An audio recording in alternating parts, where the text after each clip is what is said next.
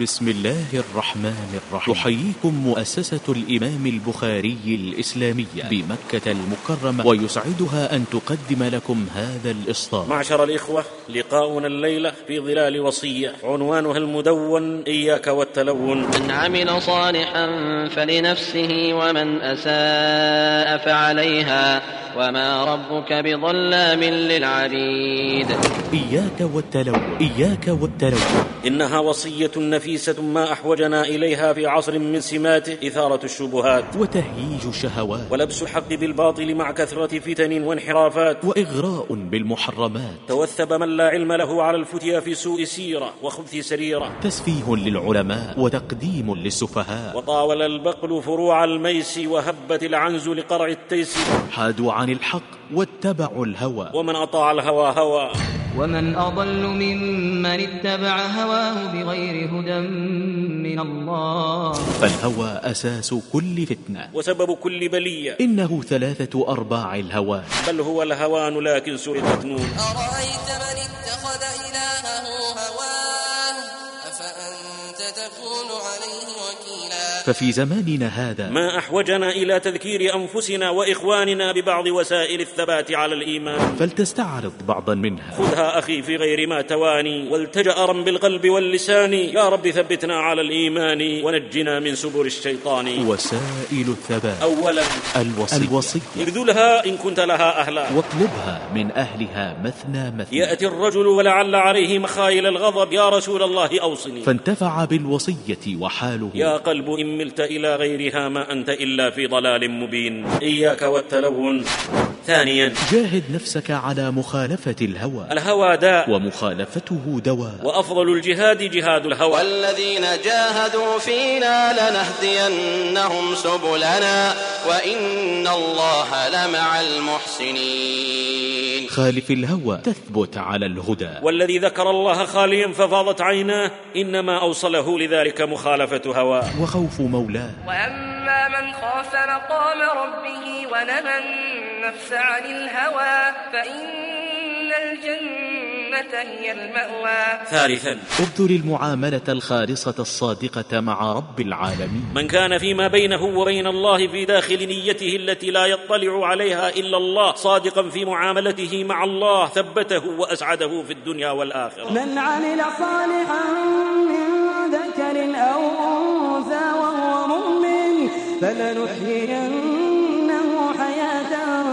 طيبة ولنجزينهم أجرهم بأحسن ما كانوا يعملون. من تعامل مع الله بصدق مريدا للآخرة شكر الله له سعيه وثبته. ومن أراد الآخرة وسعى لها سعيها وهو مؤمن فأولئك كان سعيهم مشكورا. من تعامل مع الله بصدق وحاله. قل إن صلاتي ونسكي ومحياي ومماتي لله رب العالمين. فيا عبد الله الأبي أخلص القصد طالبا رحمة الواحد العلي وإياك والتلون رابعا. الحذر من فتنة الدنيا. لقد حذر النبي صلى الله عليه وسلم منها أيما تحذير.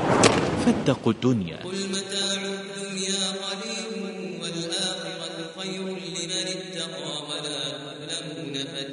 وبين هوانها على الله حين أخذ بأذن جدي أسك ميت وقال للدنيا أهون على الله من هذا على أهله. فهذا خير البشر صلى الله عليه وسلم. أتى عليه ثلاثون من بين يوم وليلة. ما له طعام يأكله ذو كبد سوى ما يواريه إبط بلال. ربط الحجر على بطنه من شدة الجوع. ولما عرضت عليه مفاتيح الخزائن أباها. شعاره مالي وللدنيا. لا عيش إلا عيش الآخرة. وللآخرة خير لك من الأولى. هذه هي الدنيا. فاجعلها وسيلة لرضا المولى ولا تكن لها عبدا بل فاحقرنها تصبحا سيدا وملكا فيها وفي الآخرة. وإياك والتلون خامسا الحذر من فتنة النساء. فقد حذرنا منها رسول الله صلى الله عليه وسلم يوم قال فاتقوا الدنيا واتقوا النساء. ما تركت بعدي فتنة أضر على الرجال من النساء. إن كيدهن عظيم. فلا تك ليلى دون دينك عرضة فذو العجز من تثنيه عن دينه ليلى. اعص الهوى واتق النساء واحد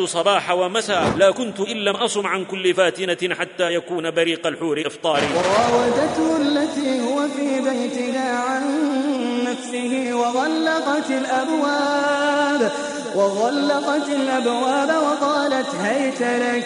قال معاذ الله إنه ربي أحسن مثواي إنه لا يفلح الظالمون. فما ضره أن غلقت أبواب الأرض لما فتح الله له أبواب السماء. قال معاذ الله فعصمه الله. سادسا تدبر قصص الأنبياء والصالحين من الوحي وتاريخ المسلمين مثبت على الدين. قال الله. وكلا نقص عليك من أنباء الرسل ما نثبت ما نثبت به فؤادك. وجاءك في هذه الحق وموعظة وذكرى للمؤمنين. هذا رسول الله صلى الله عليه وسلم يقول للمشركين مشيرا إلى الشمس. والله ما أنا بأقدر على أن ادع ما بعثت به من أن تستشعلوا منها شعلة نار. فلم يزل يجهر بالتوحيد ولا يخاف سطوه العبيد. حتى تركنا على البيضاء ليلها كنهارها. وقال إبراهيم عليه السلام حين ألقي في النار حسبي الله ونعم الوكيل. قلنا يا نار كوني بردا وسلاما على إبراهيم. وأرادوا به كيدا فجعلناهم الأخسرين. ولما قال أصحاب موسى إنا لمدركون. قال كلا إن معي ربي سيهدين. وقال هود لقومه في ثبات دونه الشوامخ. قال إني أشهد الله واشهدوا أني بريء مما تشركون. ولما تبين الحق لسحرة فرعون قالوا آمنا برب هارون وموسى. ولما هددهم فلأقطعن أيديكم وأرجلكم من خلاف ولأصلبنكم في جذوع النخل ولتعلمن أينا أشد عذابا وأبقى. قالوا في ثبات الرواسي. قالوا لن نؤثرك على ما جاءنا من البينات والذي فطرنا فاقض ما أنت قاض. إنما تقضي هذه الحياة الدنيا. فأصبحوا سحرة. وأمسوا شهداء برا. إنا آمنا بربنا ليغفر لنا خطايانا وما أكرهتنا عليه من السحر. والله خير وأبقى. ذاك نفوس هذا الصنف تأبى. لغير إلهها ذل السجود. عافوا التلون في الدنيا فعندهم عز الحياة وعز الموت سيان.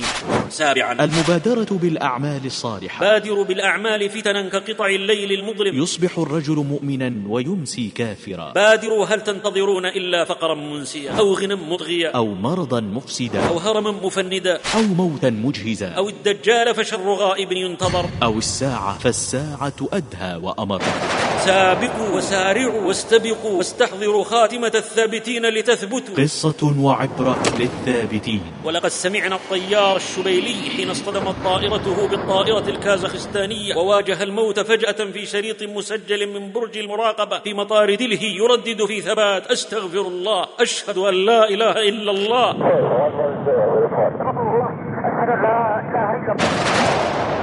بذا لقي الله فعليه رحمة الله. إن الذين قالوا ربنا الله ثم استقاموا تتنزل عليهم الملائكة ألا تخافوا تتنزل عليهم الملائكة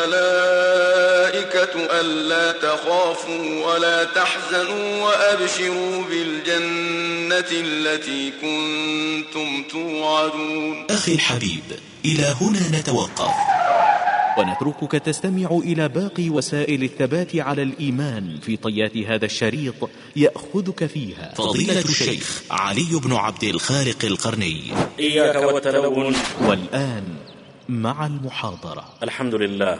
الحمد لله معز الحق ورافعه ومذل الباطل وواضعه. من يهد الله فلا مضل له ومن يضلل فلا هادي له.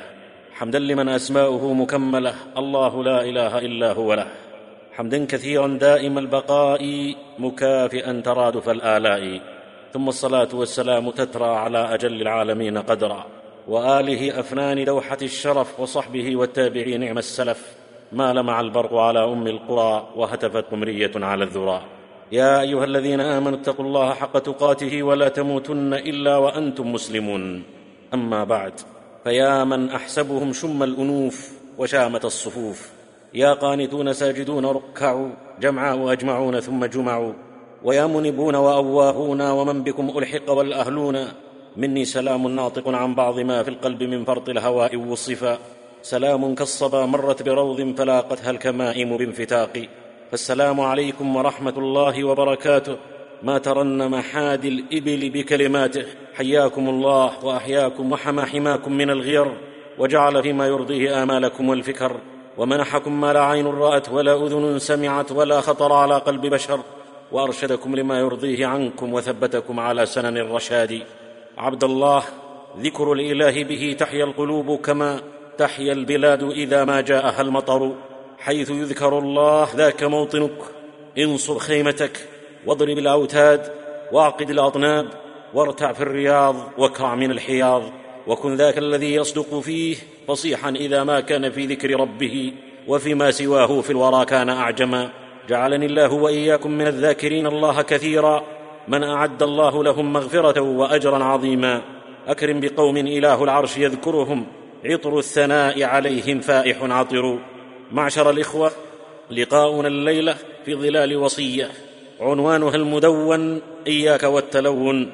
إنها وصية نفيسة ما أحوجنا إليها في عصر من سماته. إثارة الشبهات وتهيج الشهوات. ولبس الحق بالباطل مع كثرة فتن وانحرافات.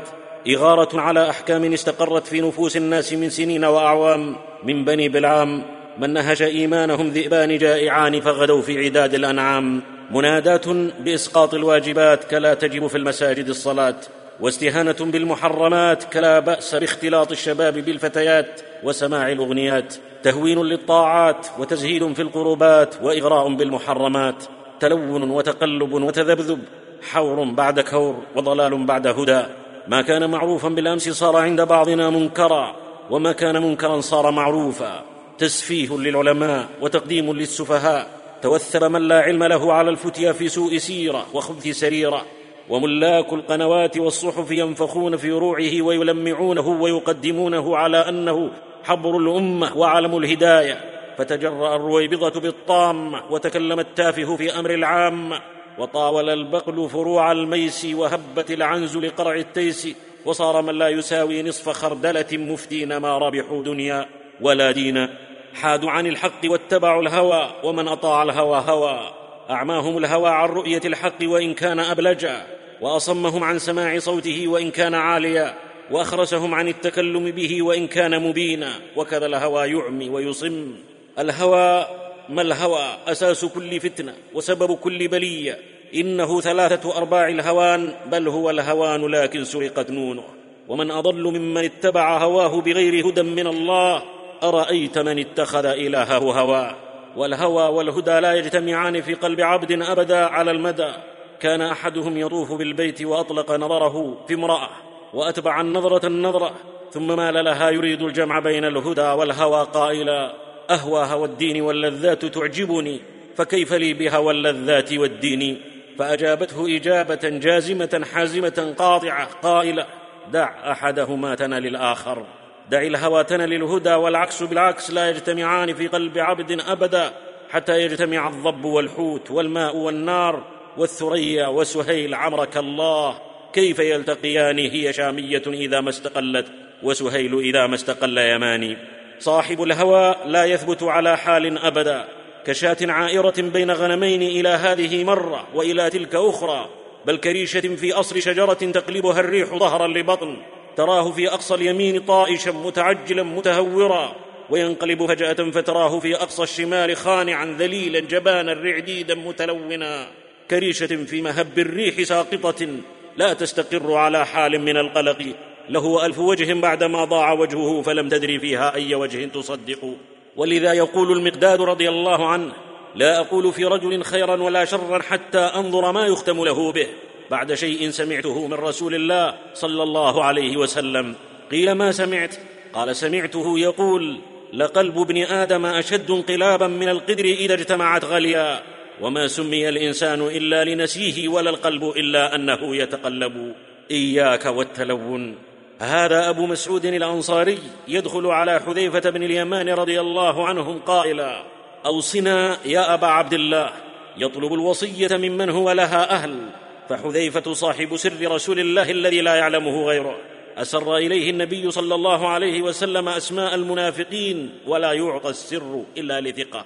ولهذا قال له المحدث الملهم عمر رضي الله عنه يوما نشدتك الله أعدني رسول الله في المنافقين. قال لا ولا أزكي أحدا بعدك. كان الناس يسألون عن الخير ويسأل حذيفة عن الشر مخافة أن يدركه. هو أعلم بكل فتنة كائنة بينه وبين الساعة. حفظ ذلك من رسول الله صلى الله عليه وسلم وأدركه ووعاه. قال أبو مسعود أوصنا يا أبا عبد الله. قال أما جاءك اليقين؟ قال بلى وربي. ونقول بلى وربنا. جاءنا كتاب الله وسنة رسوله صلى الله عليه وسلم. ما تمسك بهما متمسك فضل أبدا. قال حذيفة رضي الله عنه فإن الضلالة حق الضلالة أن تعرف اليوم ما كنت تنكر قبل اليوم. وأن تنكر اليوم ما كنت تعرف قبل اليوم إياك والتلون فإن دين الله واحد. إياك والتلون فإن دين الله واحد. نعم المسلم الصادق متمسك بدين الله مهما كانت الظروف والأحوال. مصدر تلقيه السنة والكتاب. منهج واحد ودعوة واحدة. الحلال حلال والحرام حرام. المعروف معروف والمنكر منكر. لو جاء من جاء والشمس عن يمينه والقمر عن يساره يشهدان له أن الحرام حلال وأن المنكر معروف قال بفيك الحجر إني على بينة من ربي على الزعازع والأهوار والباسي لو مادت الأرض يبقى الشام خراسي. معشر الإخوة ونحن نعيش هذا الزمن الذي تعاظمت فيه الفتن. ما أحوجنا إلى تذكير أنفسنا وإخواننا ببعض وسائل الثبات على الإيمان حتى نلقى الله في أمان واطمئنان. خذها أخي في غير ما تواني. والتجأ بالقلب واللسان. يا رب ثبتنا على الإيمان ونجنا من سبل الشيطان. اولا الوصية.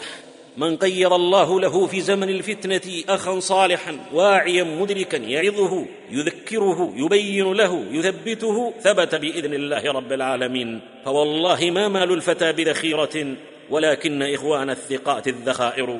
هذا ديدن اصحاب رسول الله صلى الله عليه وسلم. يأتي الرجل ولعل عليه مخايل الغضب. يا رسول الله أوصني. قال لا تغضب. فكرر مرارا قال لا تغضب. قال الرجل ففكرت حين قال النبي ما قال فإذا الغضب يجمع الشر كله.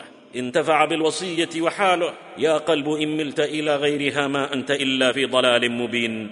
ووعظ رسول الله صلى الله عليه وسلم يوما موعظة وجلت منها القلوب وذرفت منها العيون فقالوا يا رسول الله كأنها موعظة مودع فأوصنا. قال أوصيكم بتقوى الله والسمع والطاعة وإن تأمر عليكم عبد فإنه من يعش منكم فسيرى اختلافا كثيرا. فعليكم بسنتي وسنة الخلفاء الراشدين المهديين من بعدي تمسكوا بها وعضوا عليها بالنواجذ. وإياكم ومحدثات الأمور فإن كل بدعة ضلالة. هذا السبيل إلى الثبات وذا الدليل على الهدى. وذا شيخ أهل السنة الإمام أحمد رحمه الله إشراقة الحق في عينه ساطعة وفي محياه نور الحق والضاء. ثبت الله به الدين يوم المحنة فنصر السنة. وقمع البدعة وبوصايا من يعرف ومن لا يعرف ثبته الله كما أخبر رحمه الله. فكان ثباته للقلب قلبا وهيبته جناحا للجناح. يقول لما أخرجت إلى الخليفة وصرنا إلى الرحبة وأنزلنا خارج البيوت مما يلي البرية فعامة من كانوا معي ناموا وبين أنا أفكر ماذا أقول إذ مددت بصري فإذا شيء لم استبنه فلم يزل يدنو حتى استبان فإذا هو رجل عليه ثياب الأعراب. جعل يتخطى المحامل حتى صار إلي وسلم ثم قال أنت أحمد؟ فسكت تعجبا. قال أنت أحمد بن حنبل؟ فسكت ولم اجبه فبرك على ركبتيه وقال أنت أبو عبد الله أحمد بن حنبل؟ قلت نعم. قال تحب الله؟ قلت نعم. قال إن أحببت الله أحببت لقاء وأشار إلى عنقه قائلا أبشر واصبر إنما هي ضربة ها هنا وتدخل الجنة. قس لديها في الفصاحة باقل وإذا وعاها يعرب لم يعرب. ثم مضى حتى غاب فلم أره. يقول الإمام أحمد فلما ضربت بالسياط جعلت أذكر كلام الأعرابي وأنا أضرب. فالطيب إن غاب أبقى بعده العبقى ويعبر الآخر الفرات حتى يأتي الإمام ويقول يا هذا إنك اليوم رأس والناس يقتدون بك. والله لئن أجبت إلى خلق القرآن ليجيبن خلق كثير لا بد من الموت فاتق الله ولا تجيب. ويأتي الثالث قائلا يا أحمد إن يقتلك الحق مت شهيدا وإن عشت عشت حميدا. فكانت تلك الوصايا تقوية لقلبه كما أخبر رحمه الله. وكان عش النسر أو أمنعا وصار روضا للهدى ممرعا. ويأتيه الربيع بن نافع قائلا يا أحمد إن أعين الناس ممدودة إليك. فإن كنت تعلم أنك تقوم المقام الذي تستنقذ فيه نفسك والخلق فيما بينك وبين الله وإلا فاجعل القيد الذي في رجلك في رجلي وقم فاخرج. قال يا هذا أتظن نفسك أعز علي من نفسي؟ لا أوثرك بهذا المقام أبدا. بعزم لو رمى جنبات رضوى لدك الطود وانهدم انهداما. ويأتي الأعين إلى آدم بن أبي إياس فيقول آدم إنا لله وإنا إليه راجعون. حبسوا أحمد. وقالوا القرآن مخلوق أعداء الإسلام إذا لقيت أحمد فأقرئه السلام. وقل له اتق الله وتقرب إلى الله بما أنت فيه ولا يستفزنك أحد فإنك مشرف على الجنة إن شاء الله. وقل له عني حدثني الليث عن ابن عجلان عن أبي الزناد عن الأعرج عن أبي هريرة رضي الله عنه أن رسول الله صلى الله عليه وسلم قال من أرادكم على معصية الله فلا تطيعوه. قال الأعين فأتيت أحمد في السجن وأخبرته بما قال آدم. فقال رحم الله آدم حيا وميتا لقد نصح وأحسن النصيحة. وإذا النصح سر في أمة أيقظ الغافي وأحيا الرمما وسمت أرواحها فانطلقت همما تغزو السماء والانجما وهذا عاصم بن علي. كان في مجلس فيه جماعة من المحدثين وأحمد انذاك يضرب ويمتحن. فجعل عاصم يقول ألا رجل يقوم معي لنأتي هذا الرجل فنكلمه فما يجيبه أحد. ثم كرر أخرى فقال إبراهيم بن أبي الليث أنا أقوم معك. فصاح عاصم خفي يا غلام. فقال إبراهيم أبلغ بناتي لأوصيهن وأعهد إليهن فظنوا أنه ذهب يتحنط ويتكفن. فلما عاد قال إني ذهبت إلى بناتي فبكين ونكص على العقبين فوقف عاصم لا يجيبه أحد وبيناه وكذلك أتاه كتاب من بنياته بواسط يا أبانا بلغنا أن هذا الرجل أخذ أحمد وضربه بالصوت ليقول بخلق القرآن فأبى. فاتق الله يا أبانا ولا تجب. فوالله لأن يأتينا نعيك أحب إلينا من أن يأتينا أنك قلت بخلق القرآن. فلو جاز حكمي في العالمين وقسمت أسماء هذه الورى لسميت بعض النساء الرجال وسميت بعض الرجال النساء. يقول عبد الله بن الإمام أحمد كنت كثيرا ما أسمع والدي يقول رحم الله أبا الهيثم غفر الله لأبي الهيثم عفى الله عن أبي الهيثم فقلت يا أبت من أبو الهيثم؟ قال يا بني في اليوم الذي أخرجت فيه للسياط وعندما مدت يداي للعقابين إذا أنا بإنسان يجذب ثوبي من ورائي ويقول لي تعرفني؟ قلت لا. قال أنا أبو الهيثم العيار اللص الطرار مكتوب في ديوان أمير المؤمنين أني ضربت ثمانية عشر ألف صوت بالتفاريق وصبرت على ذلك في طاعة الشيطان لأجل الدنيا فاصبر أنت في طاعة الرحمن لأجل الدين. كلمات تكتب على الحناجر ولو بالخناجر فيها بدائع ما درى أهل البلاغة ما اسمهن. الوصية الوصية وردة ملأى بعطر وشذا نخلة باسقة في الشجر. الوصية مثبتة والنصيحة نصيحة والدين النصيحة. والمؤمنون نصحة والمنافقون غششة.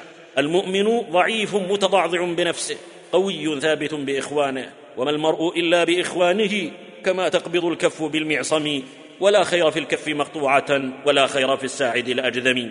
الوصية الوصية ابذلها إن كنت لها أهلا واطلبها من أهلها مثنى مثنى. وإياك والتلون فإن دين الله واحد. يا رب ثبتنا على الإيمان ونجنا من سبل الشيطان. ثانيا المجاهدة على مخالفة الهوى. والذين جاهدوا فينا لنهدينهم سبلنا. الهوى داء ومخالفته دواء. وأفضل الجهاد جهاد الهوى. وآفة العقل الهوى فمن علا على هواه عقله فقد نجا. بلونا الهدى بعد الهوى فإذا الهوى دجنه ليل والهدى فلغ الصبح. يقول ابن القيم رحمه الله إذا تأملت السبعة الذين يظلهم الله في ظله يوم لا ظل إلا ظله وجدتهم إنما نالوا ذلك بمخالفة الهوى. فالإمام لا يتمكن من العدل إلا بمخالفة هواه. والشاب المؤثر لعبادة الله على دواعي شبابه لم يتمكن إلا بمخالفة هواه. والرجل الذي قلبه معلق بالمسجد حامله على ذلك مخالفة هواه والمتصدق المخفي صدقته لم يقدر على ذلك إلا بمخالفة هواه والذي دعته ذات منصب وجمال إنما ثبت بمخالفة هواه وخوف مولاه والذي ذكر الله خاليا ففاضت عيناه إنما أوصله لذلك مخالفة هواه فلم يكن لحر الموقف وعرقه وشدته سبيل عليهم جميعا يوم القيامة. وأما من خاف مقام ربه ونهى النفس عن الهوى فإن الجنة هي المأوى. ولا يؤمن أحد حتى يكون هواه تبعا لما جاء به المصطفى. شراب الهوى حلو ولكنه يورث الشرق إذا أنت لم تعص الهوى قادك الهوى إلى كل ما فيه عليك مقال. فانظر بعين الحق لا عين الهوى فالحق للعين الجلية عاري. قاد الهوى الفجار فانقادوا له وأبت عليه مقادة الأبرار. خالف الهوى تثبت على الهدى وإياك والتلون فإن دين الله واحد.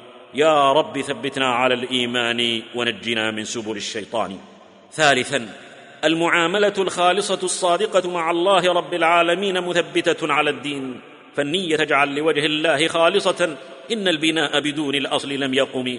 من كان فيما بينه وبين الله في داخل نيته التي لا يطلع عليها إلا الله صادقا في معاملته مع الله ثبته وأسعده في الدنيا والآخرة. من عمل صالحا من ذكر أو أنثى وهو مؤمن فلنحيينه حياة طيبة ولنجزينهم أجرهم بأحسن ما كانوا يعملون. من تعامل مع الله بصدق مريدا للآخرة شكر الله له سعيه وثبته. ومن أراد الآخرة وسعى لها سعيها وهو مؤمن فأولئك كان سعيهم مشكورا.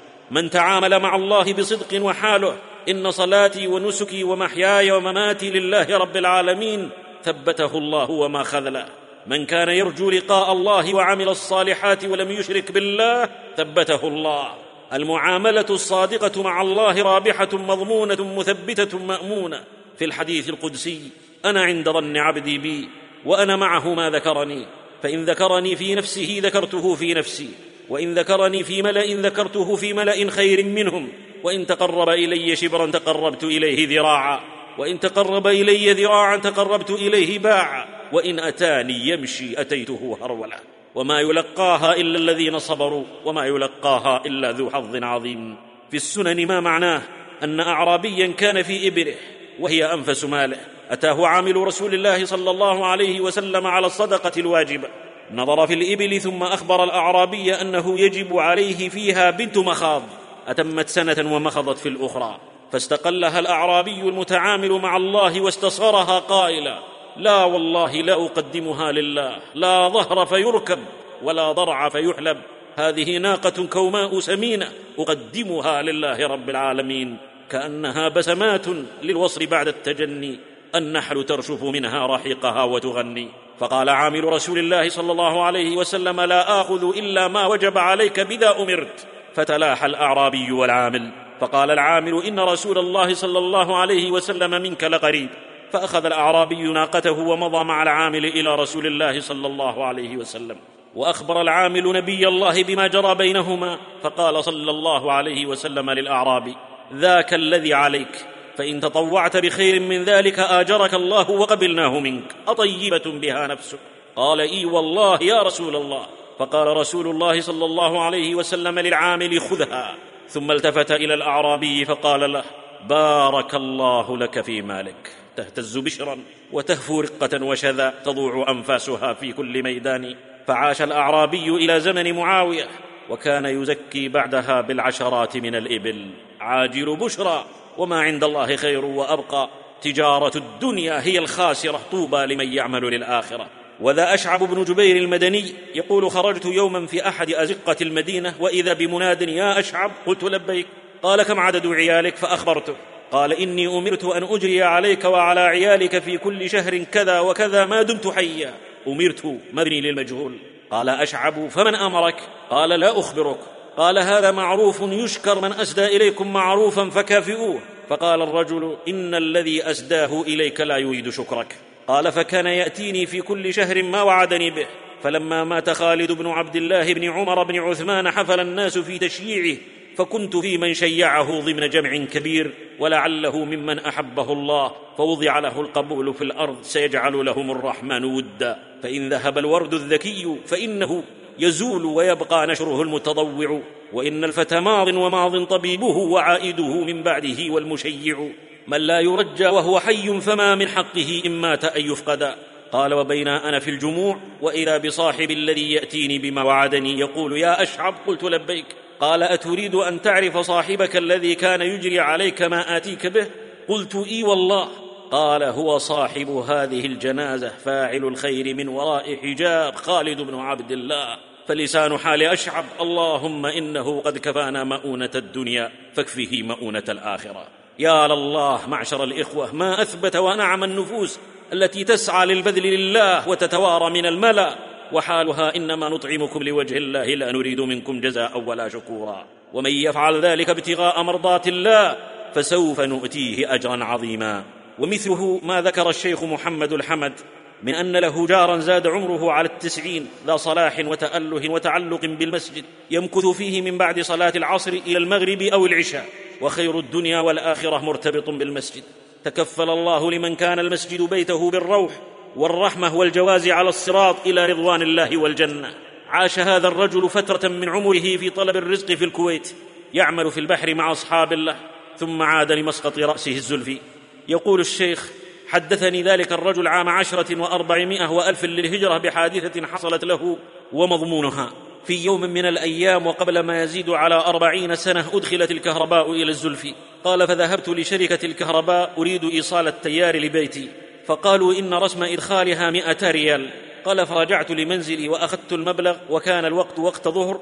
فقلت أصلي ثم أذهب إلى الشركة لدفع الرسم فلما فرغت من الصلاة وإذا بجواري رجل كبير فقير أعرفه وأعرف فقره ومسكنته وعياله يقول لي يا أبا سعود والله إن الأولاد جياع ولا يجدون في البيت ما يسد جوعتهم فأشفقت عليه وقلت في نفسي أعطيه مئة وأعطي الشركة مئة وأعدهم بالأخرى فأعطيته وفرح ودعا لي ثم خرجت من المسجد وتحسست جيبي فلم أجد فيه شيئا فأدركت أني أعطيت الرجل المئتين على سبيل الخطأ. فصرت في حيرة من أمري. أرجع إليه وأقول إنه لم يكن في نيتي إلا مئة فرد علي مئة. مروءتي تأبى.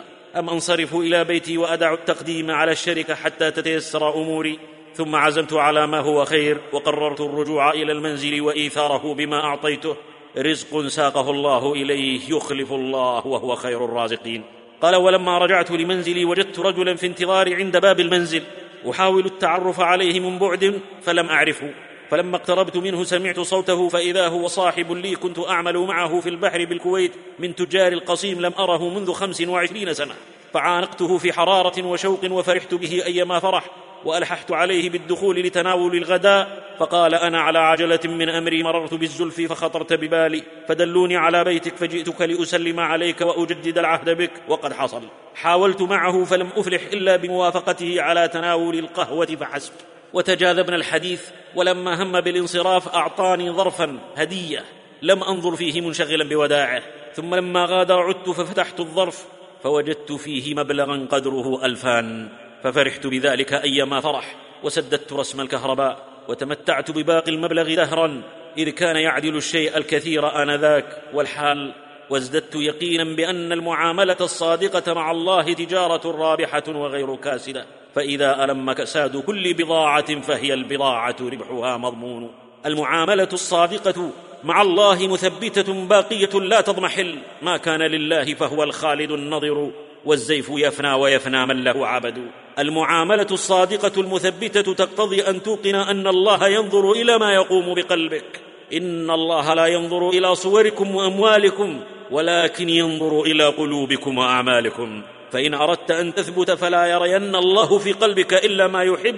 فقد يعبد المرء أهواءه فتسطو به في تعالى وهيت. المعاملة الصادقة المثبتة على دين الله تقتضي أن توقن أن الخلق من لدن آدم إلى يومك هذا إلى قيام الساعة. لو وقفوا وراءك ليقدموك إلى الجنة خطوة أو يؤخروك عن النار خطوة لعجزوا. ولئن أرضيتهم اليوم غضبوا عليك غدا فرض الخلق غير مقدور عليه أبدا. ضحكت فقالوا ألا تحتشم. بكيت فقالوا ألا تبتسم. بسمت فقالوا يرائي بها. عبست فقالوا بدا ما كتم. سكت فقالوا كليل اللسان. نطقت فقالوا كثير الكلم. حلمت فقالوا صنيع الجبان. ولو كان مقتدرا لانتقم. يقولون شذ إذا قلت لا. وامعه حين وافقتهم. فأيقنت أني مهما أرد رضا الناس لا بد من أن أذم. والمختصر الموصل ومن أرضى الله بسخط الناس رضي الله عنه وكفاه مؤونة الناس فليكن حالك ومقالك يا رب ألا ليت الذي بيني وبينك عامر وبيني وبين العالمين خراب وليتك ترضى والأنام غضاب إذا صح منك الود فالكل هين وكل الذي فوق التراب تراب. المعاملة الصادقة مع الله وسيلة ناجحة في الشدة والضراء إلى الله. إذا اختلطت عليك الأمور والتبس الحق بالباطل وعظم الخضب واشتد الكرب. فما بينك وبين الله إلا أن تقول كما قال أصحاب الغار اللهم إني فعلت كذا يوم كذا اللهم إن كنت فعلته ابتغاء مرضاتك فافرج عني ما أنا فيه. تجد أثر تلك الوسيلة بينا. من تصدر معشر الإخوة للفتوى والإرشاد والوعظ والتربية والإصلاح بدون هذه المعاملة كان أحير وأبله وأضل من ضب. الضب يخرج من جحره كليل البصر فيجلوه بالتحديق في الشمس ساعة. فإذا أبصر مضى حتى إذا بعد عن جحره خبل فلا يكاد يهتدي إليه. ولذا لا يحفر جحره إلا عند صخرة أو أكمة من أجل أن يعرفه لعظم حيرته. وما ينبغي للضب أن يرشد القطا وما يستوي الخريت والمتحير. لا يجتنى من ثمار الحنظل العنب والبيت يسقط إن لم تثبت الطنب. فيا عبد الله الأبي أخلص القصد. طالبا رحمة الواحد العلي وإياك والتلون فإن دين الله واحد. يا رب ثبتنا على الإيمان ونجنا من سبل الشيطان. رابعا مجالسة الصالحين ومجانبة أهل الأهواء والضالين مثبت على الدين. يا أيها الذين آمنوا اتقوا الله وكونوا مع الصادقين. لا تجالس إلا المؤمنين ولا يأكل طعامك غير المتقين. الأخلاء يومئذ بعضهم لبعض عدو إلا المتقين. المعاشرة والمجالسة باب إلى المجانسة. من جالس الثابتين ثبت وما تلون ومن جالس المتلونين تلون. من عاشر الأخيار اكتسب الخير ومن عاشر الأشرار اكتسب الشر. والجمر يوضع في الرماد فيخمد. الرياح إن مرت على الطيب نقلت لنا الطيب وإن مرت على النتن أجلكم الله نقلت النتن. مياه الأنهار عذبة فإذا دخلت إلى مياه البحار صارت ملحا أجاجا. والمرء على دين خليله فلينظر أحدكم من يخالل. يشقى رجال ويشقى آخرون بهم ويسعد الله أقواما بأقوام. هذا ابن الراوندي كان أول أمره حسن السيرة كثير الحياء عظيم الذكاء. ثم بدأ يلازم الرافضة والملاحدة وأهل الأهواء. فإذا لامه أحد أو عاتبه قال دعني وشأني وعد عن نصحك السمج إنما أريد أن أعرف أقوالهم. وفي النهاية صار واحدا منهم بل صار أجرأ على حرمات الله منهم. ألف كتابا اسمه الدامغ ليدمغ به القرآن فدمغه الله وبقي كتاب الله ينطق بمصير أمثاله. ويوم يعض الظالم على يديه يقول يا ليتني اتخذت مع الرسول سبيلا. يا ويلتى ليتني لم أتخذ فلانا خليلا. لقد أضلني عن الذكر بعد إذ جاءني. وللخير أهل يعرفون بهديهم إذا اجتمعت عند الخطوب المجامع وللشر أهل يعرفون بشكلهم تشير إليهم بالفجور الأصابع. والناس أشكال كأجناس الطير الحمام مع الحمام والغراب مع الغراب وكل يحن إلى شكله وإن كان من غير جنسه. رأى رجل صقرا وغرابا يطيران معا فقال ملك الطير مع غراب الجيف لا بد أن بينهما تشابها. فأتبعهما نظره حتى إذا ما هبط على الأرض ومشيا فإذا كلاهما أعرج. فكل يحن إلى شكله كميل الخنافس للعقرب. البيئة مؤثرة يا معاشر الإخوة والشعائر الظاهرة آسرة. هذا موظف مرموق في شركة أمريكية كبرى بالرياض. حصل على أعلى الشهادات والأوسمة من كبار المسؤولين في شركته ببلده لنجاحه في عمله. يقول عن نفسه يأسرني سماع الأذان وتدفق الناس على المسارد وكأنهم يتسابقون إلى مكان يدفع لهم فيه نقود وهدايا ثمينة. ثم يخرجون وهم فرحون مستبشرون يصافح بعضهم بعضا بصورة مؤثرة. فأقول في نفسي يا له من نظام رائع. ويتكرر عليه المشهد مرة بعد مرة ليدخل بعدها في الإسلام ويعلن الشهادة ويتعلم أحكام الإسلام في شهرين ثم يذهب في ركب مع إخوانه للعمرة. ولما اعتمر ذهب يزاحم على الصف الأول في الحرم أمام الكعبة ويدعو ويتضرع ويبكي ثم يقول لمرافقيه كم في هذا العالم من المحرومين من هذا الجو الإيماني الروحاني العظيم؟ ولما اعتمر ذهب يزاحم على الصف الأول في الحرم أمام الكعبة ويدعو ويتضرع ويبكي ثم يقول لمرافقيه كم في هذا العالم من المحرومين من هذا الجو الإيماني الروحاني العظيم؟ وبيناه هو كذلك يدعو ويبكي في الصف الأول وفي بيت الله وبين يديه إذ سقط ليلقى الله وإنما الأعمال بالخواتيم كما أخبر رسول الله. نسألك اللهم حسن الخاتمة فهي وربي لحظات حاسمة. العشرة مؤثرة. هذه فتاة نصرانية أسلمت حين عاشرت في مدرستها فتيات مسلمات كن صورة حية متحركة لأخلاق الإسلام. ولا عجب فسلوك المسلم رسالة ناطقة ودعوة صامتة. القراءة والبحث مؤثرة معشر الإخوة. هذا شاب في كبرى كنائس إفريقيا كان مسؤولا عن أنشطة الشباب وثق به القساوسة فطلبوا منه البحث في القرآن عن متناقضات ولو على سبيل اللغط والحيلة. فلازم كتاب الله سنة كاملة ثم اجتمع بمن وثقوا به ليأتيهم بمتناقضات الكتاب لتكون المفاجأة. إذ أعلن في اجتماعهم أنه أمضى مع القرآن سنة ما وجد فيه متناقضا وأنه الكتاب الحق الذي لا يأتيه الباطل من بين يديه ولا من خلفه. ثم أعلن دخوله في الإسلام بعد ذلك جبل الثلج تلاشى حينما رنت الشمس بعينيها وذاب. وفي مقابل هذا فإن الدخول إلى مواقع الشبه ولو كان بدعوى الرد على الفرق والمذاهب والاطلاع والنظر لمن لم يكن مؤهلا فتنة عظمى فالقلب يتشرب الشبهة شيئا فشيئا حتى لا تخرج منه. ولذا يقول حذيفة رضي الله عنه إياكم والفتن لا يشخص لها أحد والله ما شخص لها أحد إلا نسفته كما ينسف السيل الدمن والسلامة منها ألا تمر بواديها. سلوك المسلم الحق آسر مؤثر هذا ثري غربي يقول عن نفسه لم أشعر بالسعادة يوما ما وعندي موظف مسلم من الهند يعمل في شركتي براتب زهيد ما دخلت عليه إلا ورأيته مبتسما. قال فجئته يوما وطلبت الجلوس معه وسألته عن سبب ابتسامته التي لا تفارقه. فقال لأنني مسلم أشهد أن لا إله إلا الله وأن محمدا رسول الله. قلت وهل يعني أن المسلم سعيد طوال حياته؟ قال نعم. قلت كيف ذلك؟ قال لأن نبينا صلى الله عليه وسلم قال عجبا لأمر المؤمن إن أمره كله خير. إن أصابته سراء شكر فكان خيرا له وإن أصابته ضراء صبر فكان خيرا له. وليس ذلك لأحد إلا للمؤمن. وأمورنا كلها بين السراء والضراء فإما شاكرون وإما صابرون. حينها اشتاق إلى الدخول في الإسلام فلما لقن الشهادتين انفجر باكيا. فتركوه حتى هدأ وسألوه عن سبب بكائه فقال لما نطقت الشهادتين دخل صدري فرح وسعادة لم أشعر بها من سنين طويلة. أفمن شرح الله صدره للإسلام فهو على نور من ربه فويل للقاسية قلوبهم من ذكر الله. ومن ذاق عرف ومن حرم انحرف وعاش الضياء ومات الحلك. يؤكد هذه المعاني رسول الله صلى الله عليه وسلم بقوله السكينة والوقار في أهل الغنم والغلظ والجفاء في الفدادين أهل الوبر. عاشر أولئك الغنم فاكتسبوا منها خلقا. وعاشر أولئك الإبل فاكتسبوا منها خلقا. فكيف بمن يعاشر الإنسان؟ زعموا فيما يستطرف أن الحمار قدم سائقا للحوار ففجأهم الحوار وقد استبدل الرغاء بالنهيق فحدا حاديه إلى الحوار بالحمار سيقا. علمه الشهيق والنهيق. والله يقول ومن أصدق من الله قيلا واصبر نفسك مع الذين يدعون ربهم بالغداة والعشي يريدون وجهه ولا تعد عيناك عنهم.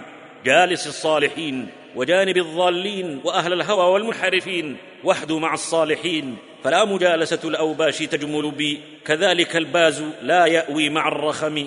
وإياك والتلون فإن دين الله واحد. يا رب ثبتنا على الإيمان ونجنا من سبل الشيطان. خامسا الحذر من فتنة الدنيا مثبت على الهدى. لقد حذر النبي صلى الله عليه وسلم منها أيما تحذير. فاتقوا الدنيا. وبين هوانها على الله حين أخذ بأذن جدي اسك ميت. وقال للدنيا أهون على الله من هذا على أهله. ولهوانها على الله هانت عليه. فأعرض عنها مستهينا بقدرها. ولم يثنه منها اجتذاب ولا مسخ فكان له من قلبها الحب والهوى. وكان لها من كفه الطرح والطخ. أتى عليه ثلاثون من بين يوم وليلة ما له طعام يأكله ذو كبد سوى ما يواريه ابط بلال. وربط الحجر على بطنه من شدة الجوع ولم يشبع وأهله من خبز الشعير حتى لقي الله. ولما عرضت عليه مفاتيح الخزائن أباها ورضي لنفسه ولأهله عيشة الكفاف أتته المغريات. فمال عنها وراح يهشها هش الذباب. شعاره مالي وللدنيا لا عيش إلا عيش الآخرة. فلما عرض المشركون عليه دنياهم ليتنازل عن دعوته أفلسوا. نملكك فلا نقطع دونك أمرا ونعطيك حتى تكون أكثرنا مالا ونزوجك من أجمل النساء عشرا. فما التفت إلى هذا كله واندفع يتلو ما نزل الله عليه. حاميم تنزيل من الرحمن الرحيم. كتاب فصلت آياته قرآنا عربيا لقوم يعلمون بشيرا ونذيرا. فكان الآي صاعقة عليهم تشب على مطامعهم سعيرا. وربى أصحابه على ذلك فذا أحدهم رضي الله عنه وقع في أسر القيصر فعرض عليه أن يشاطره ملكه لقاء أن يتنازل عن دينه. فتعجب من تلك العقلية الدنيوية الدنية وقال بعقيدة لو هزت الأجبال من ذعر لما اهتزت مع الأجبال والله لو أعطيتني ما ملكت وملكت العرب والعجم على أن أرتد عن ديني طرفة عين ما ارتضيت. حاله إنه نفسي وروحي والجوى.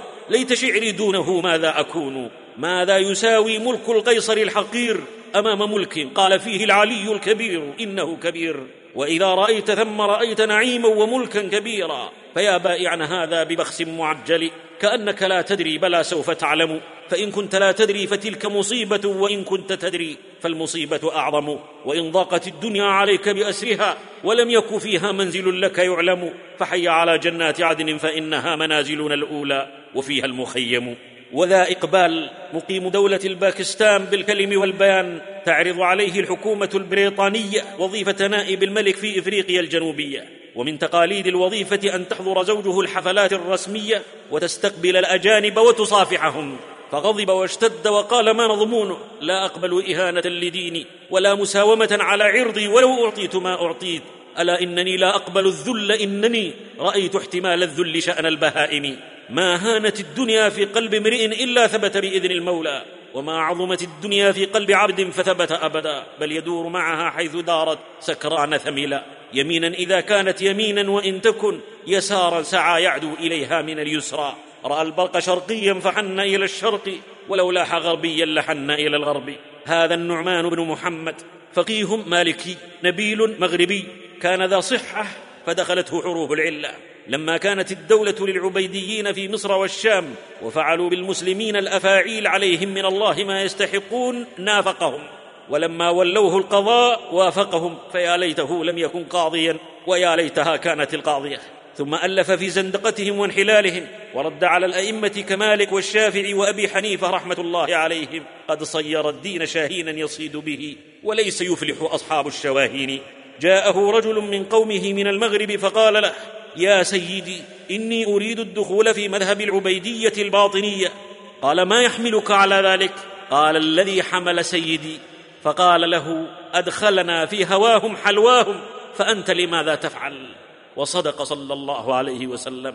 يصبح الرجل مؤمنا ويمسي كافرا ويمسي مؤمنا ويصبح كافرا يبيع دينه بعرض من الدنيا. يقول الحسن في عهده ولقد رأيناهم صورا ولا عقولا أجساد ولا احلاما فراش نار وذبان طمع يغدون بدرهمين ويروحون بدرهمين. يبيع أحدهم دينه بثمن العنز. ولولا الشعير ما نهقت الحمير.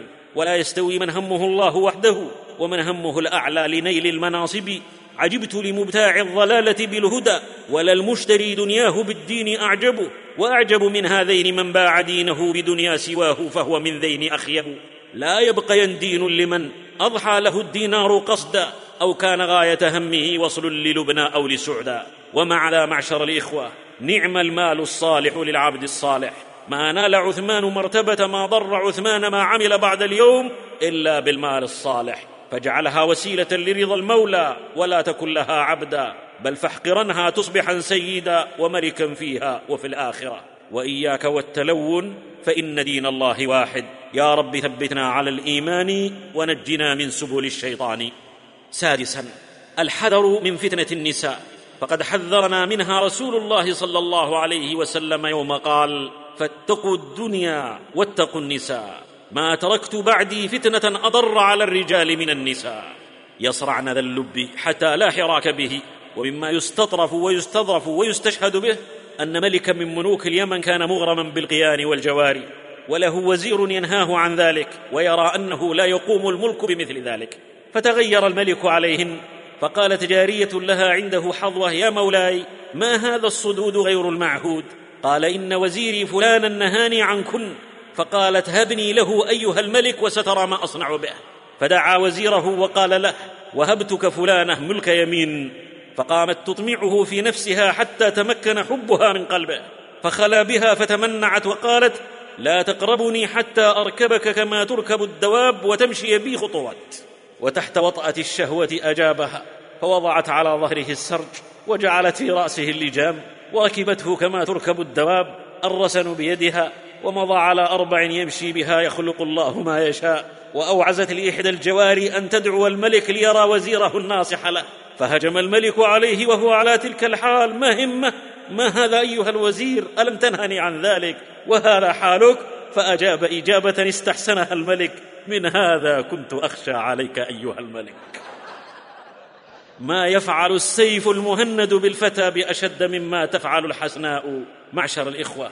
يفتن المرء عن دينه ويتذبذب ويحور من أجل امرأة. والتاريخ يشهد لا تقرب عرف جم اللهب هذا عمران بن حطان كان من أهل السنة والجماعة. يروي الحديث عن عائشة وأبي موسى وابن عباس رضي الله عنهم أجمعين. وكان رجلا دميما وكل خلق الله حسن. وله ابنة عم جميلة لكنها حرورية على مذهب الخوارج. فقال أتزوجها لأصرفها عن مذهبها الباطل؟ كم شارب عسلا فيه منيته وكم تقلد سيفا من به ذبحا؟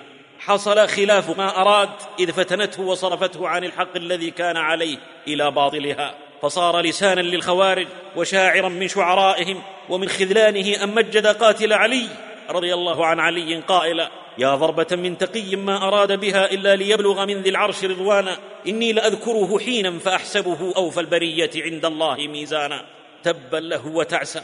فرد عليه الفقيه الطبري يا ضربة من شقي ما أراد بها إلا ليهدم من ذا الدين بنيانا. إني لأذكره حينا فألعنه وألعن الكلب عمران بن حطانا عليك ثم عليه الدهر متصلا لعائن الله إسرارا وإعلانا. فأنتم من كلاب النار جاء بها نص الشريعة برهانا وتبيانا. فاتقوا النساء. يذكر شيخ الإسلام أن رجلا عشق جارية سوداء وفتن واشتد كلفه بها. فلما حضرته الوفاة قيل له قل لا إله إلا الله فما زال يردد أحب لحبها السودان حتى أحب لحبها سود الكلاب حتى مات على ذلك. نسألك اللهم حسن الخاتمة فهي وربي لحظات حاسمة. يقول ابن القيم رحمة الله عليه كان النصارى إذا أرادوا أن ينصروا أسيرا مسلما عرضوا له امرأة جميلة وأمروها أن تطمعه في نفسها. حتى إذا تمكن حبها من قلبه بذلت له نفسها بشرط أن يدخل في دينها. فهناك يثبت الله الذين آمنوا بالقول الثابت. وقد فتن بعض المسلمين الذين يعيشون في بلاد الغرب اليوم بالزواج من الكافرات طمعا في الحصول على جنسيات بلادهم ثم انزلقوا إلى حضيض الكفر والعياذ بالله. تشترط إحداهن العقد في الكنيسة على شرعة الكنيسة وبمباركة رجال الكنيسة ثم تتردد بعدها بأولادها على الكنيسة لتفسد فطرهم فأبواه يهودانه أو ينصرانه أو يمجسانه. وينشا ناشئ الفتيان فينا على ما كان عوده أبوه. وما دعاة تمكين النساء من اختلاطهن بالرجال الذي هو أصل كل بلية وشر والذين يضبحون اليوم من كل قناة ويقيئون سمومهم في كل صفحة. إلا دعاة فتنة تتغذى وتعوي من وراء الجدر فعلى كل غيور وذي ولاية أن يسعى في إحباط ذلك المد التغريبي الفوضوي حسب وسعه فإن خنعت حماة الوكر اضحت نساء الحي تحلف بالطلاق وليعلم أن معول الباطل معول ضعيف فقد قضى الله إن كيد الشيطان كان ضعيفا وزخرف أقوالهم خداع ساحر ولا يفلح الساحر. ومفسدون والله لا يصلح عمل المفسدين ولكن الله جعل ذلك ابتلاء بأيدي المؤمنين. ذلك ولو يشاء الله لانتصر منهم ولكن ليبلو بعضكم ببعض. فلولا رجال مؤمنون لهدمت منائر دين الله من كل جانب. فاتقوا الدنيا واتقوا النساء فإن أول فتنة بني إسرائيل كانت في النساء. فلا تك ليلى دون دينك عرضة فذو العجز من تثنيه عن دينه ليلا اعص الهوى واتق النساء واحد صباح ومساء. لا كنت إن لم اصم عن كل فاتنة حتى يكون بريق الحور إفطاري. وإياك والتلون فإن دين الله واحد. يا رب ثبتنا على الإيمان ونجنا من سبل الشيطان. سابعا العمل بالأوامر والنواهي في استسلام وحب وانقياد لله رب العالمين مثبت على الدين. لعموم قول الله ولو أنهم فعلوا ما يوعظون به لكان خيرا لهم. وأشد تثبيتا وإذا لاتيناهم من لدنا أجرا عظيما ولهديناهم صراطا مستقيما. هذا عمر رضي الله عنه المحدث الملهم العبقري كان شديد الغيرة. ذكر غيرته أعظم الناس غيرة أعني رسول الله صلى الله عليه وسلم. حين قال كما في الصحيح دخلت الجنة البارحة فرأيت فيها قصرا من درة بيضاء بفنائه جارية. فقلت لجبريل لمن هذا القصر؟ قال لعمر بن الخطاب. قال فهممت أن أدخله ثم ذكرت غيرتك يا عمر فوليت مدبرا. فبكى عمر وقال أفديك بأبي وأمي يا رسول الله أعليك أغر؟ ومع ذلك كانت زوجه عاتكة كثيرة الاختلاف إلى مسجد رسول الله صلى الله عليه وسلم للصلاة فيه. تستأذنه فيسكت لاخرجن إلا أن تمنعني فيسكت. وتكثر الترداد على المسجد لتشهد الصبح والعشاء. فقيل لها أتخرجين وقد تعلمين أنه يغار ويكره ما تفعلين؟ قالت فما يمنعه أن يمنعني أو ينهاني؟ قالوا يمنعه قول رسول الله لا تمنعوا إماء الله مساجد الله. إنه عمر رضي الله عنه.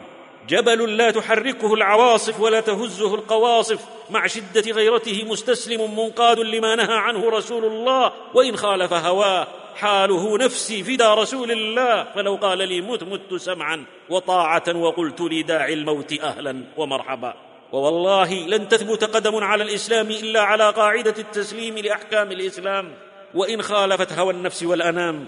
إنما كان قول المؤمنين إذا دعوا إلى الله ورسوله ليحكم بينهم. أن يقولوا سمعنا وأطعنا. فلا والله لا يرجى ثبات إذا لم نتبع القول امتثالا. استجيبوا لله وللرسول إذا دعاكم لما يحييكم. وإياكم والتلون. فإن دين الله واحد. يا رب ثبتنا على الإيمان ونجنا من سبل الشيطان. ثامنا تدبر قصص الأنبياء والصالحين من الوحي وتاريخ المسلمين مثبت على الدين. قال الله وكلا نقص عليك من أنباء الرسل ما نثبت به فؤادك. وجاءك في هذه الحق وموعظة وذكرى للمؤمنين. هذا رسول الله صلى الله عليه وسلم يقول للمشركين مشيرا إلى الشمس والله ما أنا بأقدر على أن أدع ما بعثت به من أن تستشعلوا منها شعلة نار. لو مادت الأجبال من تحته أو خرت الافلاك مزعزعا فلم يزل يجهر بالتوحيد ولا يخاف سطوة العبيد. حتى تركنا على البيضاء ليلها كنهارها فأصبحت سبل الدين الحنيف به عوامرا بعد أن كانت أماريتا. وكان قول إبراهيم عليه السلام حين ألقي في النار حسبي الله ونعم الوكيل. ولما قال أصحاب موسى إنا لمدركون قال كلا إن معي ربي سيهدين. وقال هود لقومه في ثبات دونه الشوامخ إني أشهد الله واشهدوا أني بريء مما تشركون. من دونه فكيدوني جميعا ثم لا تنظرون. إني توكلت على الله ربي وربكم. ولما تبين الحق لسحرة فرعون قالوا آمنا برب هارون وموسى. ولما هددهم فلاقطعن أيديكم وأرجلكم من خلاف ولاصلبنكم في جذوع النخل ولتعلمن أينا أشد عذابا وأبقى. قالوا في ثبات الرواسي لن نؤثرك على ما جاءنا من البينات والذي فطرنا. فاقض ما أنت قاض إنما تقضي هذه الحياة الدنيا. فأصبحوا سحرة وأمسوا شهداء بارة وذلك فضل الله يؤتيه من يشاء. والله ذو الفضل العظيم. وذلكم شيخ أهل السنة وإمام هذه الأمة في المحنة. أحمد رحمه الله حصمصم تحذره الأبطال كأنه القسورة الرئبال. تداوله ثلاثة خلفاء يسلطون عليه من شرق الأرض إلى غربها ومعهم من العلماء والقضاة والمتكلمين والوزراء والأمراء ما لا يحصى فما كتم وما ترخص ولم يجبهم إلى كلمة. وما رجع عما جاء به الكتاب والسنة. يناظرونه ثلاثة أيام متصلة وهو ثابت على قوله ما لحن في كلمة. لأن الجنان مستضيء بالقرآن قوي بالإيمان ولو اضطرب الإيمان في الجنان لتلعثم اللسان وتلاشى البيان. وهل يضيق فسيح الأرض عن رجل وقلبه بكتاب الله متصل؟ يجادلونه بالباطل وما ضل قوم بعد هدى إلا أوتوا الجدل ومنعوا العمل. يقولون الله خالق كل شيء والقرآن شيء فهو مخلوق. قال إن الله يقول تدمر كل شيء بأمر ربها. فهل دمرت غير ما أراد ربها من عاد؟ ما دمرت مساكنهم فافحمهم قالوا إنا جعلناه قرآنا عربيا يعني خلقناه قرآنا عربيا. قال فجعلهم كعصف مأكول أمعناها فخلقهم كعصف مأكول فأغصهم بريقهم. ويقف الخليفة على رأسه يا أحمد إني شفيق عليك كشفقتي على ابني قل لي أدنى كلمة لك فيها فرج لأفك قيدك بيدي وأكثر أتباعك وأنوه باسمك والمثبطون يقولون إمامك على رأسك قائم أجبه. قال إيتوني بشيء من كتاب الله وسنة رسوله صلى الله عليه وسلم. فقال الخليفة لعنك الله. وأمر الجلادين بضربه فكان الواحد يضرب بقوته والخليفة يقول أوجع قطع الله يدك حتى أغمي على الإمام ثم رموا عليه حصيرا وكبوه على وجهه وداسوه فلما أفاق قام يصلي وجراحه تسيل بالدم. فقالوا تصلي والدم يسيل من بدنك. حسبوا انتقاد الليث أمرا هينا ومن العويص تقنص الآساد. قال لقد صلى من هو خير مني ومنكم عمر وجرحه يثعب دما. فما كان أحد أثبت منه قلبا. وما لينوا منه قناة صليبة. وما كدروا من صفو تلك المناقب. جاءه بعض أصحابه يسهلون عليه الترخص. يا إمام إلا من أكره وقلبه مطمئن بالإيمان. قال كيف تصنعون بحديث خباب؟ لقد كان في من قبلكم يؤخذ الرجل فيحفر له في الأرض ويوضع المنشار على رأسه فيجعل نصفين ويمشط بأمشاط الحديد ما يصده ذلك عن دينه فيئسوا منه.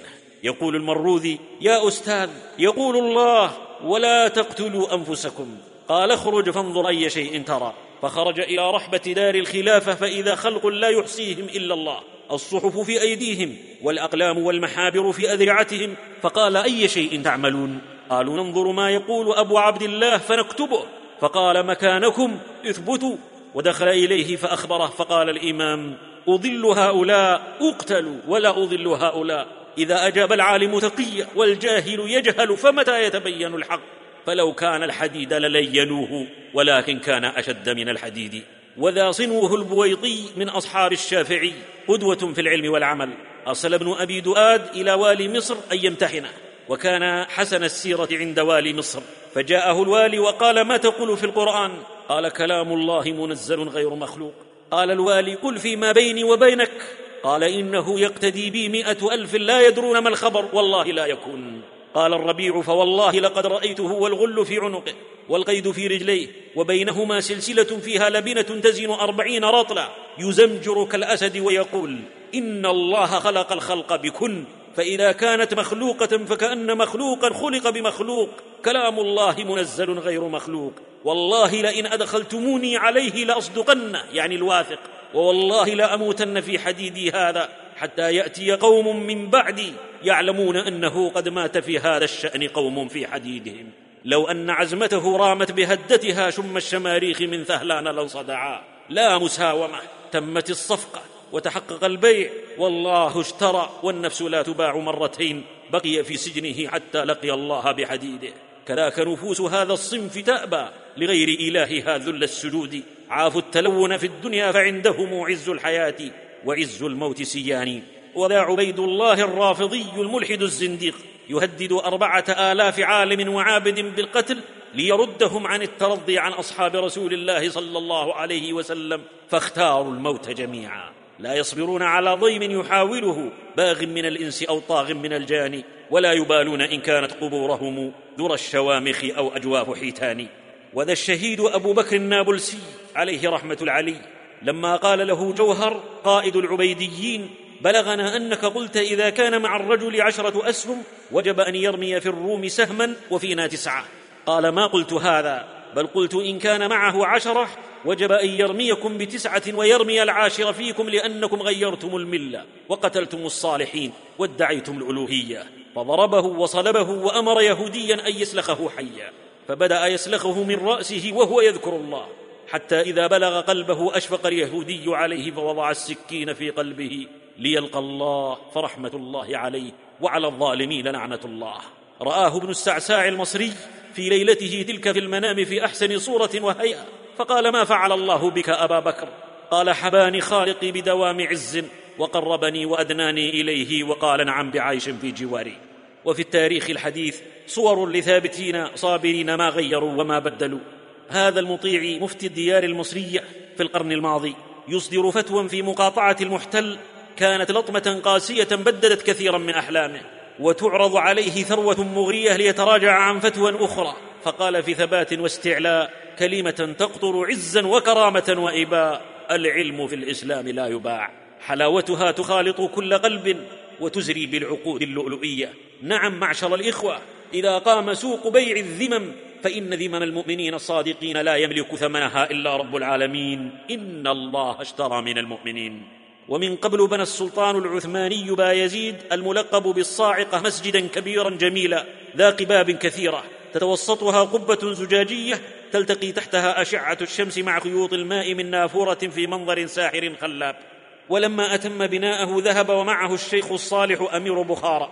ودخل المسجد وطاف في أرجائه معجبا بفخامته فرحا بتشييده وكان ينتظر كلمة ثناء من الشيخ الصالح. ولكن الشيخ مشغول بما استفاض من أن السلطان يشرب الخمر. فقال با يزيد كيف ترى يا شيخ؟ فكان حاله لا لا أخاف ولا أرجي لا قول غير الحق لي قول وهذا النهج نهجي. وفجرها قائلا مسجد فخم جميل تنقصه حانة خمر في إحدى زواياه يغشاها السلطان الحين والحين. ولا أدري ماذا جال بخاطر السلطان وأحسب أن جلال الحق وهيبة العالم الصادق أخذته من كل جانب. فسكت صاغرا. من يخف سلطان ذي العرش المجيد خافه كل قريب وبعيد. عطفا على العلماء الربانيين فهم ركن ركين مثبت على الدين. العلماء الأبرار حماة الأوكار. إن الصقور إذا انقضت تنافح عن أوكارها لم تهب جندا ولا ثكنا. العلماء تاج الأمة ومنارتها. هم روحها وماء حياتها. وحين تعصف الأهواء وتكثر معاطن البلاء فهم ملاحها. وإن غاب ملاح السفينة وارتمت بها الريح يوما دبرتها الضفادع. تدبرا لقصص الأنبياء والعلماء والصالحين. وإياك والتلون فإن دين الله واحد. يا رب ثبتنا على الإيمان ونجنا من سبل الشيطان. تاسعا الثقة بأنك على الحق وأن المستقبل لدين الله مع تعميق التأمل فيما أعده الله للثابتين مثبت على الدين. هذا رسول الله يثبت المستضعفين حينما أوذوا من المشركين بأن المستقبل لهذا الدين قائلا وليتمن الله هذا الأمر حتى يسير الراكب من صنعاء إلى حضرموت لا يخشى إلا الله والذئب على غنمه ولكنكم تستعجلون. وحين مر بآل ياسر وهم يعذبون ثبتهم بموعود الله للصابرين الثابتين. صبرا آل ياسر فإن موعدكم الجنة. وقال للأنصار أما إنكم ستلقون بعدي اثر فاصبروا حتى تلقوني على الحوض. الثقة بالله والتشرف بدينه مثبت بإذنه. هذه طالبة مسلمة جامعية أمريكية. دكاترتها متعصبون لباطلهم يكرهون الإسلام وما يرمز له من عفة وحياء كحجاب ونقاب. منعوها من حقوقها العلمية وهي متمسكة بدينها مدافعة عنه متشرفة به. اجتمعوا بها لينقضوا دعائم الإسلام في قلبها فكانت تدفع شبههم وأباطيلهم اياما حتى اسكتتهم جميعا. وأرغمتهم على الاعتراف بجهلهم وهشاشة باطلهم فأعجبوا بثباتها وإصرارها على التمسك بدينها وحجابها وتقديم ذلك على كل شيء في حياتها مما أدى إلى إسلام سبعة ممن كانوا يناقشونها ليشككوها في دينها. راموا مغالبة الهدى بالغي لكن الهدى غلاب. ثقة بنصر الله وبأنك على حق يا عبد الله وعودة لكتاب الله لنثبت به فؤادك ذا قول الله. وذكرا لله فاثبتوا واذكروا الله. ولا يهولنكم الغبار المثار فمثيره سيختنقون به وتبقى الجبال هي الجبال. أما ترون جبال الأرض لازمة قرارها وغبار الأرض يرتفع. فأما الزبد فيذهب جفاء وأما ما ينفع الناس فيمكث في الأرض. إن شمس النهار تغرب بالليل وشمس الإسلام ليست تغيب. ثق واثبت واشرف بدينك وأبشر. وإياك والتلون فإن دين الله واحد. يا رب ثبتنا على الإيمان ونجنا من سبل الشيطان. عاشرا المبادرة بالأعمال الصالحة مثبتة على الدين. بادروا بالأعمال فتنا كقطع الليل المظلم. يصبح الرجل مؤمنا ويمسي كافرا. بادروا هل تنتظرون إلا فقرا منسيا أو غنى مطغيا أو مرضا مفسدا. أو هرما مفندا أو موتا مجهزا أو الدجال فشر غائب ينتظر أو الساعة والساعة أدهى وأمر. من لا يدري متى يفجأه الموت ينبغي أن يكون مستعدا. لا يغترر شاب بشبابه فأكثر من يموت الشباب. عش ما شئت فإنك ميت وأحبب من شئت فإنك مفارق واعمل ما شئت فإنك مجزي به. غدا تجتني الغرس الذي أنت غارس. اغتنموا فرص الحياة واهتبلوها قبل أن تقول نفسي يا حسرة على ما فرطت في جنب الله. وتصيح أخرى فهل إلى مرد من سبيل؟ وتتمنى ثالثة يا ليتنا نرد فنعمل غير الذي كنا نعمل. وتجأر رابعة رب ارجعون فلا تسمع إلا كلا. سابقوا وسارعوا واستبقوا واستحضروا خاتمة الثابتين لتثبتوا. لما حضرت بلالا الوفاء قال وافرحا وطربا. غدا نلقى الأحبة محمدا وحزبه وطعن حرام رضي الله عنه فقال الله أكبر فزت ورب الكعبة. وجعل أنس يقول لقنوني لا إله إلا الله فلم يزل يقولها حتى قبضه الله. وفتح ابن المبارك عينه عند وفاته ثم ضحك وقال لمثل هذا فليعمل العاملون. ولقد سمعنا الطيار الشبيلي حين اصطدمت طائرته بالطائرة الكازاخستانية وواجه الموت فجأة في شريط مسجل من برج المراقبة في مطار دلهي يردد في ثبات أستغفر الله أشهد أن لا إله إلا الله. بذا لقي الله فعليه رحمة الله. يثبت الله الذين آمنوا بالقول الثابت في الحياة الدنيا وفي الآخرة إن الذين قالوا ربنا الله ثم استقاموا تتنزل عليهم الملائكة ألا تخافوا ولا تحزنوا وأبشروا بالجنة التي كنتم توعدون. نحن أولياؤكم في الحياة الدنيا وفي الآخرة. بادر إذا ما لمحت الخير في عمل وخل سوف لعزم خامر واهي. وإياك والتلون فإن دين الله واحد. يا رب ثبتنا على الإيمان ونجنا من سبل الشيطان. حادي عشر الحذر من التعالم والقول على الله بلا علم مع التواضع في قبول الحق والأوبة له مثبت على الدين. بطر الحق ضلال وكبر وتيه ورائده إبليس يوم قال أنا خير منه. وقد قضى الله سأصرف عن آياتي الذين يتكبرون في الأرض بغير الحق وإن يروا كل آية لا يؤمن بها. الرجوع إلى الحق خير من التمادي في الباطل. وحال الثابت العاقل أرجع إلى الحق وأنا صاغر. لأن أكون ذنبا في الحق خير من أن أكون راسا في الباطل. إذا أبديت في العلم رايا ثم بين لك بالدليل القاطع أو الراجح في أن الحق في غير ما أبديت. فاصدع بما استبان لك من الحق غير هياب. تثبت حالك أخطأت وفوق كل ذي علم عليم. لا تخض فيما لا تعلمه ولا تقفو ما ليس لك به علم. ذاك خلق ورثة الأنبياء أعني العلماء. يسأل أحدهم عما لا يعلم فلا يجد في صدره حرجا أن يقول لا أعلم. هذا مالك رحمه الله. ليضربن الناس أكباد الإبل في طلب العلم فلا يجدون عالما أعلم من عالم المدينة. ومع ذا سأله سائل عن مسألة استودعه إياها أهل المغرب. فقال ما أدري. فقال السائل يا أبا عبد الله تركت خلفي من يقول ليس على وجه الأرض أعلم منك. فقال غير مستوحش إذا رجعت فأخبرهم أني لا أحسن. وسئل الشعبي عن مسألة فقال لا أدري. فقال السائل فبأي شيء تأخذ رزق السلطان؟ قال لأقول فيما لا أدري لا أدري. ما كان لبشر أن يبرئ نفسه من الخطأ ويدعي أنه لم يقل في حياته إلا صوابا. فليكن شعارك فيما لا تعلم لا أعلم.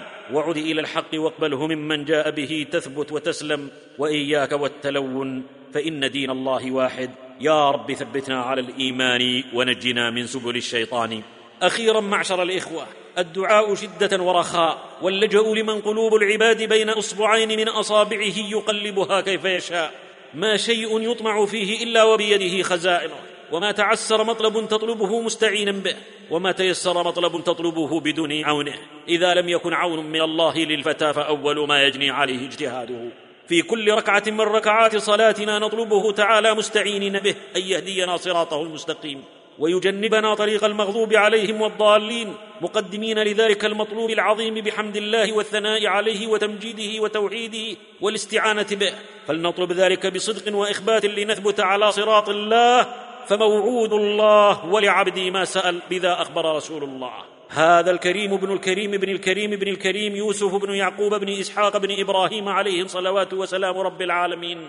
تتبرج له الفتنة في أعلى حللها ومن شامخ قللها فهو شاب عزب غريب خادم في بيت العزيز لامرأة العزيز عليه الأمر والنهي. وهي ذات منصب وجمال وزوجها بعيد عنها وهو مع ذا قليل الغيرة. ومع ذا غلقت الأبواب وقالت هيت لك فما ضره أن غلقت أبواب الأرض لما فتح الله له أبواب السماء؟ قال معاذ الله فعصمه الله.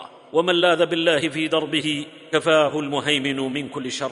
هذا سيلي من جنوب إفريقيا يقول كنت قسيسا نشطا للغاية ولذا اختارني الفاتيكان لأكون من كبار المنصرين في جنوب إفريقيا ودعمني بالأموال. وكنت أستخدم كل الوسائل للوصول لهدفي. أدفع من تلك الأموال مساعدات وهبات وهدايا والكنيسة تغدق علي. وفي يوم ما ذهبت لمركز تجاري لأشتري بعض الهدايا التي أخدع بها السذج من الناس. وكانت المفاجأة بائع الهدايا رجل يلبس القلنسوة. تفاوضت معه وعرفت أنه مسلم وعرف أني قسيس فملابسي ذات الياقة البيضاء دالة علي. وبعد أن اشتريت ما أريد سألني الشاب المسلم أأنت قسيس؟ قلت نعم. قال من إلهك؟ قلت المسيح. قال الشاب المسلم إنني أتحداك أن تأتيني بآية واحدة من الإنجيل تقول على لسان المسيح شخصيا أنه قال أنا الله أو ابن الله فاعبدني قال وقعت كلماته على رأسي كالصاعقة ولم أستطع أن أجيب. حاولت أن أعود بذاكرتي لكتب الأناجيل لأجد جوابا شافيا فلم أجد. أسقط في يدي وأحرجت وركبني الهم والغم وتركته وهمت على وجهي. وبحثت عن إجابة في كتب النصرانية فعجزت وهزمت. ذهبت إلى المجلس الكنسي وطلبت الاجتماع لهذه القضية وأخبرتهم بما سمعت. فهاجموني خدعك الهندي أضلك الهندي ويعنون بالهندي المسلم. فقلت لهم اذا أجيبوني فلم يجب أحد. وفي يوم الأحد الذي ألقي فيه درسي في الكنيسة وقفت أمام الناس لأتحدث فلم أستطع. فانسحبت إلى داخل الكنيسة وطلبت من صديق لي أن ينوب عني في الموعظة لأنني منهك منهار محطم نفسيا ذهبت لمنزلي في حالة ذهول وضيق وفي زاوية من زواياه صغيرة. جلست أنتحب ثم رفعت بصري إلى السماء وأخذت أدعو ثم قلت أدعو من؟ ثم توجهت إلى من هو الإله الحق. وقلت في دعائي ربي خالقي لقد أقفلت الأبواب في وجهي سوى بارك فلا تحرمني من معرفة الحق. يا رب يا رب لا تتركني في حيرتي ألهمني الصواب ودلني على الحقيقة. يا رب يا رب. فهداه من قلبه بيده إلى دين الإسلام فأعلن الدخول في دين الله بعد ذلك وتسمى بإبراهيم وصار من الدعاة إلى الإسلام بفضل المولى والليل ولى والظلام تبددا. وفي الحديث القدسي كما أخبر المصطفى يا عبادي كلكم ضال إلا من هديته فاستهدوني أهدكم فاللهم اهدنا.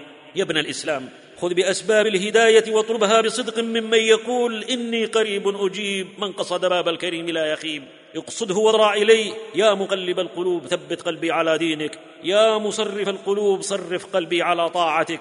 اهدني لما اختلف فيه من الحق بإذنك إنك تهدي من تشاء إلى صراط مستقيم. أيا فالق الإصباح والحب والنوى ويا قاسم الأرزاق بين العوالم ويا كافل الحيتان في لج بحرها ويا مؤنسا في البر وحش البهائم. ويا مصي الأوراق والنبت والحصى ورمل الفلا عدا وقطر الغمائم. إليك توسلنا بك اعصم قلوبنا من الزيغ والأهواء يا خير عاصم. الدعاء دعاء أعجز الناس من عجز عن الدعاء. ادع بالثبات وإياك والتلون فإن دين الله واحد. يا رب ثبتنا على الإيمان ونجنا من سبل الشيطان. مختصر القول معشر الإخوة قول من لنا فيه أسوة. تركت فيكم ما إن تمسكتم به لن تضلوا بعدي أبدا. كتاب الله وسنتي. عد إلى الروضة إن الغيث يهمي في روابيها ويكسوها جلالا. إن الضلالة حق الضلاله أن تنكر اليوم ما كنت تعرف قبل اليوم وأن تعرف اليوم ما كنت تنكر قبل اليوم. إياك والتلون فإن دين الله واحد.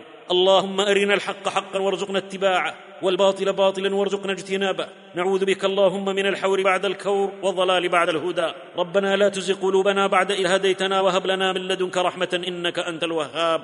من علينا رب بالتثبيت عند السؤال ليلة المبيت.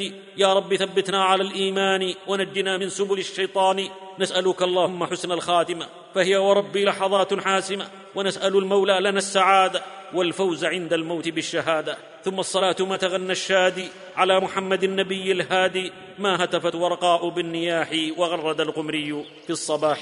والسلام عليكم ورحمة الله وبركاته.